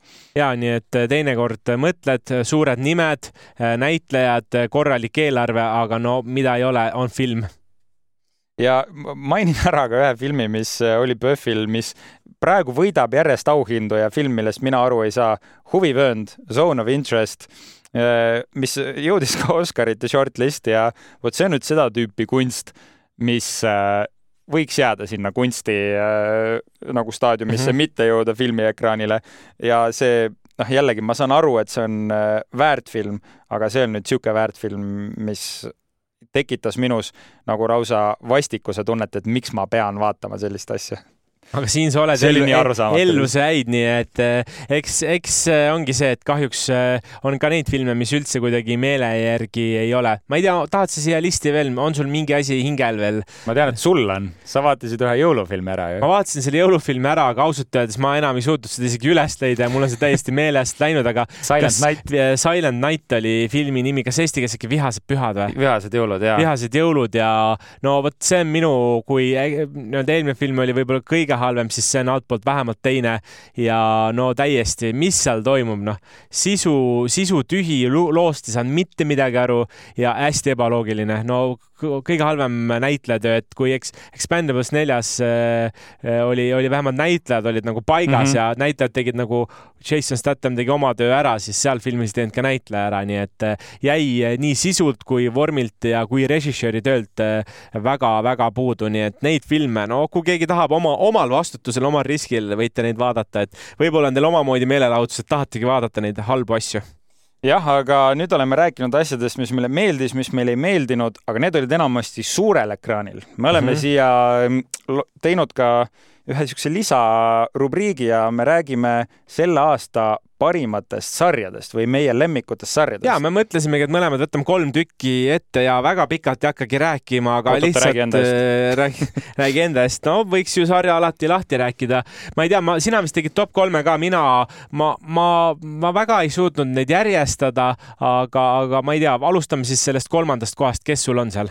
kolmandal kohal minul on Loki teine hooaeg just äh, asi, mida me korraks mainisime ja peale siis äh, selle, mis äh, Marvel, eks ole, suurel ekraanil on teinud ja Guardians of the Galaxy Vol kolm, ma ütleks, et see on üks viimase aja parimaid asju, mis Marvel teinud on ja muidugi siin ongi, ongi noh, Marvelid on siis nende viimane film, mis vedas meeletult alt ja selle teine hooaeg, siis Loki teine hooaeg ületas esimest hooaega ja tõi meieni ülikeeruka ja emotsionaalse loo, aga suutis väga hästi ennast ka kokku siduda. et ma ütleks, et see on üks intelligentsemaid ja keerulisemaid asju, mida Marvel on teinud, justkui nagu nad oleks natuke niisugust nagu Nolani mõttemaailma laenanud, kuidas tekitada paralleeluniversumite ajas rändamist ja niisuguseid segadusi ja need lõpuks kokku panna ja no see sari pani niisuguse lipsu sinna lõpus peale, et äh, ei taha oli..., ei taha isegi midagi öelda, aga, aga ma selles suhtes hüppan, et minu jaoks ta oli aasta kõige parem äh, sari, et, et ma ei oodanud seda ja just sellepärast, et äh, see keerukus ja ühe karakteri ümbermängimine, kes omab lõpuks nii suurt mõju mm -hmm. ja, ja minu jaoks on alati olnud Marveli puhul viimasel ajal segane on need ajaliinid, et mis nende, mis selle ajaga toimub, mis nende universumitega toimub, et see sari, just see teine hooaeg, ta seletab lahti nagu. Mm, -hmm. ta on nagu väike õpik või sise sisevaade sellesse ja, ja ta kuidagi annab sellise filmi mõõdu välja, et kui meil on olnud, me rääkisime Sipelgamehest ei meeldinud, siis ta, ta omaette nagu loob sellist filmi energiat ja seal on ka ju suured näitlejad, nii et tõesti mulle see, mulle see sari väga meeldis see on sari, mille puhul ma arvan, et ei hakka, ei hakka proovimagi seda sünopsist lahti seletada, sest et see on äh, tõesti keeruline ja võib liiga palju aega võtta um,. aga teine koht, mis mul siin nimekirjas on, on äh, selline sari nagu Shrinking mm, -hmm. Apple TV äh, plussi sari ja Jason Siegel mängib siis äh, oma naise surma üle elavat terapeuti ning üksikisa ja näitab, kuidas ta toime tuleb sellega, millise radikaalse lähenemise ta võtab oma patsientide osas.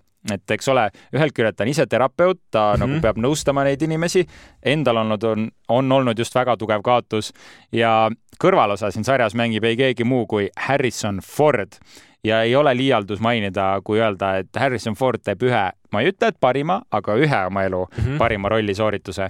ja see on niisugune sari, et sa vaatad ja sa tunned, et sa saad ise justkui teraapiat läbi huumori, läbi selliste väga oluliste mõtteterade, aga kuidagi sa tunned, et sa sa tunnedki elust rohkem rõõmu seda sarja vaadates ja selle teine hooaeg peaks olema kohe tulemas ka ja see jättis nii mulle kui ka, vot see on üks neid sarju, mida ma saan ka elukaaslasega niimoodi mm. vaadata, et me oleme mõlemad pingsalt ootame, millal see tuleb. ja ei ole palju neid asju, mida saab eh, niimoodi koos vaadata, sest noh, minu maitse ka läheb ikka sinna märuli kanti rohkem. minu selline teine koht oli tegelikult selline selline sari nagu äh, Gen V ehk siis ja. Äh, see on äh, selline noored superkangelased ja see tuleb Amazon Prime'ist ja see on spin-off siis sellisest sarjast nagu The Boys ja The Boys, ta ringles päris pikalt, me oleme sel aastal kohe arvustuse teinud mm, -hmm. ma ei vaadanud seda pikalt, mulle tundus, et okei okay,, mida tehakse, mingit, ma ei viitsi neid superkangelasi enam vaadata, mul on paha olla juba, et aga ma mingi hetk nädalavahetusel hakkasin, vaatasin ära ja sellel aastal tuligi siis Gen Gen V, mis räägib noortest ja mulle meeldib nagu see just, et, et seal on hästi palju võetud neid noorte probleeme seal ette, seal on äh, päris sellised hetked ja kogu seda asja illustreerivad siis draama ja supervõimed ka, et ma lihtsalt, mulle meeldivad, äh, minu nõrkus ongi supervõimed ja superkangelaste filmid nagu midagi ei ole teha, et see on minu krüptoniit selles suhtes, et ma siis sulan ära ja, ja ma tahan neid vaadata, nii et ta oli üllatus äh, ja, ja ta üllatas mind äh, kuidagi teistmoodi. et ta ei ole klassikaline see, et kui ta on Superman, Batman, et ta on nagu must versioon, ta on see, ta on täpselt see must versioon. R-reitinguga, noh, ta on nii ropp ja veri, verine ja niisugune hästi raju ja see on nagu hästi, kuidagi öelda, et nõrganärvilistel seda sarja ei tasu vaadata, siin nagu plahvatavad pead ja nagu verd, jäsemed lendavad ja ropendatakse nii, kus suu suitseb. Noh. ja, et siin juhtuvad asjad päriselt, et kui keegi avastab oma võimed ja kogemata tapab oma pere ära, siis mm. Eh, noh, tõenäoliselt päriselt see ka niimoodi ei juhtuks ja, ja mulle see reaalsusmoment eh, väga meeldis ja esimene koht minul eh, sarjadest on Lioness Special Ops no,. ja nii. ma näen su silmist, et see tähendab sulle väga palju, aga ma teen väikse intro, et Taylor Sheridan ei suuda minu silmis halba teha. ja tema on siis mees, kelle sulest on sündinud sellised filmid nagu Sicario, Wind River, sarjad nagu Yellowstone ja kõik selle alamsarjad tuhat kaheksasada kaheksakümmend kolm ja tuhat üheksasada kaheksakümmend kolm. Äh, Kingstoni äh, linnapea ja nüüd siis Lioness Special Ops ja see sari räägib siis CIA eriüksusest, mis värbab enda ridadesse äh, naisi, kes suudaks infiltreeruda Lähis-Ida terrorirakkudesse. ja see naine peab olema siis ülimalt karastunud ning oskuslik spioon. Zoe Saldana, kusjuures mängib siin sarjas ühte peaosalist ja selle tiimi liidrit ja tema eesmärk on siis maha võtta üks Al-Qaeda äh, Al-Qaeda sihtmärk ja värbabki siis selleks ühe noore potentsiaalika tüdruku, kelle ta saadab siis nende keskele et ühest küljest on see supersari, mis näitab selliseid taktikalisi oskuseid ja erioperatsioone ja teisest küljest näeme, kuidas see mõjutab nende isiklikke elusid. Ja eriti Zoe Saldana karakteri näol, et siit saab head märulit, aga saab ka väga siiraid pisaraid ja siukseid äh, emotsionaalselt haaravaid perestseene. Zoe Saldana on üks minu lemmik naisnäitlejaid ka, nii et äh, peaks selle sarja juba sellepärast ära vaatama, et kõik, mida ta teeb, ta, ta muut-, see asi muutub kullaks, et äh, kui me vaatame siin äh, edetabelit, mis naised on siis oma rollidega teeninud kõige rohkem raha, siis tegelikult tema ongi, sest tal on nii mm -hmm. Avatarist kuni Guardian of Galaxy'ni ja Star track pluss siis Avengersi filmides ka veel, et, et noh, ta oskab lihtsalt teha ja, ja suurepärane ja, ja minu, see ei ole mu esikoht, sest mu esikoht oli Loki, aga ma tahtsin veel välja tuua ja see ei ole siis nii-öelda sari, vaid see on pigem see, äh, see on telesaade ja selleks on siis sellel aastal Netflixi poolt tehtud Squid Game The Challenge ja ah, sellist inimeste virvarri, et inimesed hakkavad üksteist nagu üle laskma. Mm. -hmm noh, ütleme tõsielusaadetes väga niimoodi ei näe, küll on mingi armastus, väike draama, aga kui nelisada viiskümmend kuus inimest hakkavad võistlema, no siis asju juhtub ja no nii palju kümne osa jooksul üheski sarjas ma pole või saates pole kunagi näinud asju juhtumas no võimas, sellised olid siis meie sarjade top listid. oo oh jah, tundub, et oleme kogu reaalselt energia ära andnud, sest energia hakkab siit küll otsa vaikselt saama, nii et hea meel, et jõudsime oma nende nimekirjadega siia täiesti lõppu välja ja kas on, vaata nüüd on kohe aastavahetus ju sellel nädalal tulemas, kas sul on mingisugune aastavahetuse film ka, mida sa vaatad või uuel aastal oled? aga mitte Titanicut, eks lepime selle kokku. miks mitte? see no, võib ju väga hea valik olla. kõik vaatavad seda, mulle kuidagi ei ole, aga sinu nimekirjas tekkis küll äh, paar, paar nagu mõtet, mida tahaks vaadata, et mul aastavahetusel võib-olla ei olegi sellist kindlat filmi, mida ma tahaks vaadata, et neid jõulufilme on rohkem ja mul on tunne, et sellel aastal ka see aastavahetus tuleb nagu nii käbe peale, aga ma tean, et sul on kindlasti midagi. kusjuures mul on üks ülinaljakas film ja see ei ole üldse kvaliteetfilm, see on ülihalb, aga millegipärast mulle meeldib seda aasta lõpul vaadata ja see on New Year's Eve. See on no, äh, põhimõtteliselt sihuke ameeriklaste nagu noh, ikkagi täielik kommertsfilm, kus siis mitu erinevat lugu tulevad kokku, põimuvad omavahel, loomulikult tegevus toimub aastavahetusel, siin mängivad Josh Duhamel, Zac Efron, Halle Berry. Robert De Niro, Hilary Swank ja, ja noh, siin on. paljud teised, Ashton siin, Kutcher. no siin on, see on romantiline komöödia. et see, see, millegipärast mulle meeldib seda filmi aastavahetusel vaadata, aga ma julgen tunnistada, et, et see ei ole väga hea film. kuidagi ei tahaks nagu lõpetada üldse, sest äh, tuleb, äh, pisar tahab silma tulla, aga, aga ärme veel pisaratel lase. enne veel, kui me hakkame otsi kokku tõmbama, me loomulikult räägime natuke ka Jupiteri soovitustest ja ma ei, ma ei soovita mitte ühtegi kindlat asja seekord, vaid ma ütlen lihtsalt seda, et Jupiteri aastavahetus ja jõulud on tulnud meeletult sisurohked ja me oleme teinud täiesti niisuguse eraldi eh, lehe ja koha ka, kust leiab kõike siis pühade teemalist ülesse. jõulud Jupiteris eh, teemarida ja sinna noh, saigi nüüd mööduva jõulude äh, kõiki asju vaadata, aga aastavahetusega tuleb meeletult palju äh, kontserte. Ja kontserdid on just asjad, mida on, äh, tead hea, kui, sul on selline Austaks. rahulikum aastavahetus näiteks kodus või oledki kuskil peol ja tahad midagi taustale panna, siis no neid on nagu murdu, et siin leiab Gregory Porterit, Lady Gagat, ahhaad, kõike-kõike veel, nii et otsige üles need kontserdid ja nautige vot. no, no see, nüüd on, nüüd on see koht, kus saab pisarit paetada. aga ei, no nutma me siin ei hakka ja nagu me tegelikult alguses ütlesime ka, et kui teile meeldisid need meie filmijutud, siis hoidke lihtsalt silma peal kasvõi meie sotsiaalmeedial Andrei Padar ja Richard-Erik Järvi ja vaadake, eks me sinna ikka postitame või kui Facebook ei viitsi, Instagram samamoodi ja, ja noh, filmiarmastus, see ei kao mitte kuhugi ja kui ma praegu käin vähemalt kord nädalas vaatamas, eks ma siis jätkan tegelikult samamoodi, et ma tahaks minna seda uut äh, Jaapani animatsiooni vaatama. The Boy mis, and the Heron. Äh, täpselt nii, et see on minu järgmine plaan ja järgmine film, et seda arvustust ei, veel ei kuule, aga, aga tõesti aitäh, et olete olnud meiega, rõõm on äh, olnud ja nelikümmend üks osa juba, juba täitsa selline märkimisväärne. rohkem kui mõnel teisel ja minu arust me ei ole, mis on nagu selles mõttes ka lahe, et me ei ole ühtegi nädalat vahele jätnud sellest ajast, kui me alustasime, et me puhanud ei ole me oleme nautinud selle tegemist ja, ja ma loodan, et sama palju teie olete nautinud meie kuulamist. ja tegelikult äh, kuulajad ei teagi, meil on üks osa, mis oli kunagi salvestatud ette, mis eetrisse ei läinudki, nii et tegelikult ah, me oleme teinud nelikümmend kaks osa aga üks on salajane ja kümne aasta pärast võib-olla, siis kui need lähevad hinda, vot siis see tuleb välja ja siis te kuulete alles. aga ma ütlen ka siia lõpetuseks aitäh äh, meie nagu tiimile, kes ei ole siin äh, mikri ees olnud, aga kes on meid aidanud. Riin Vann,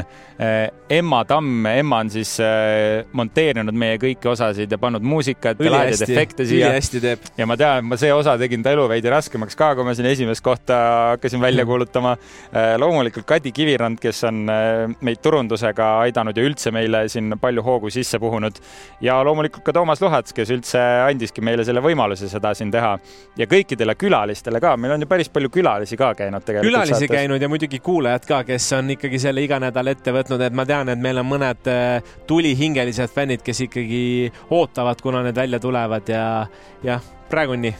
aga tead, ütleme lihtsalt lõpetuseks seda, aitäh, et olite meiega ja järgmisel aastal kunagi kuidagi ei saa öelda järgmise koha peal, aga kunagi näeme ja suur aitäh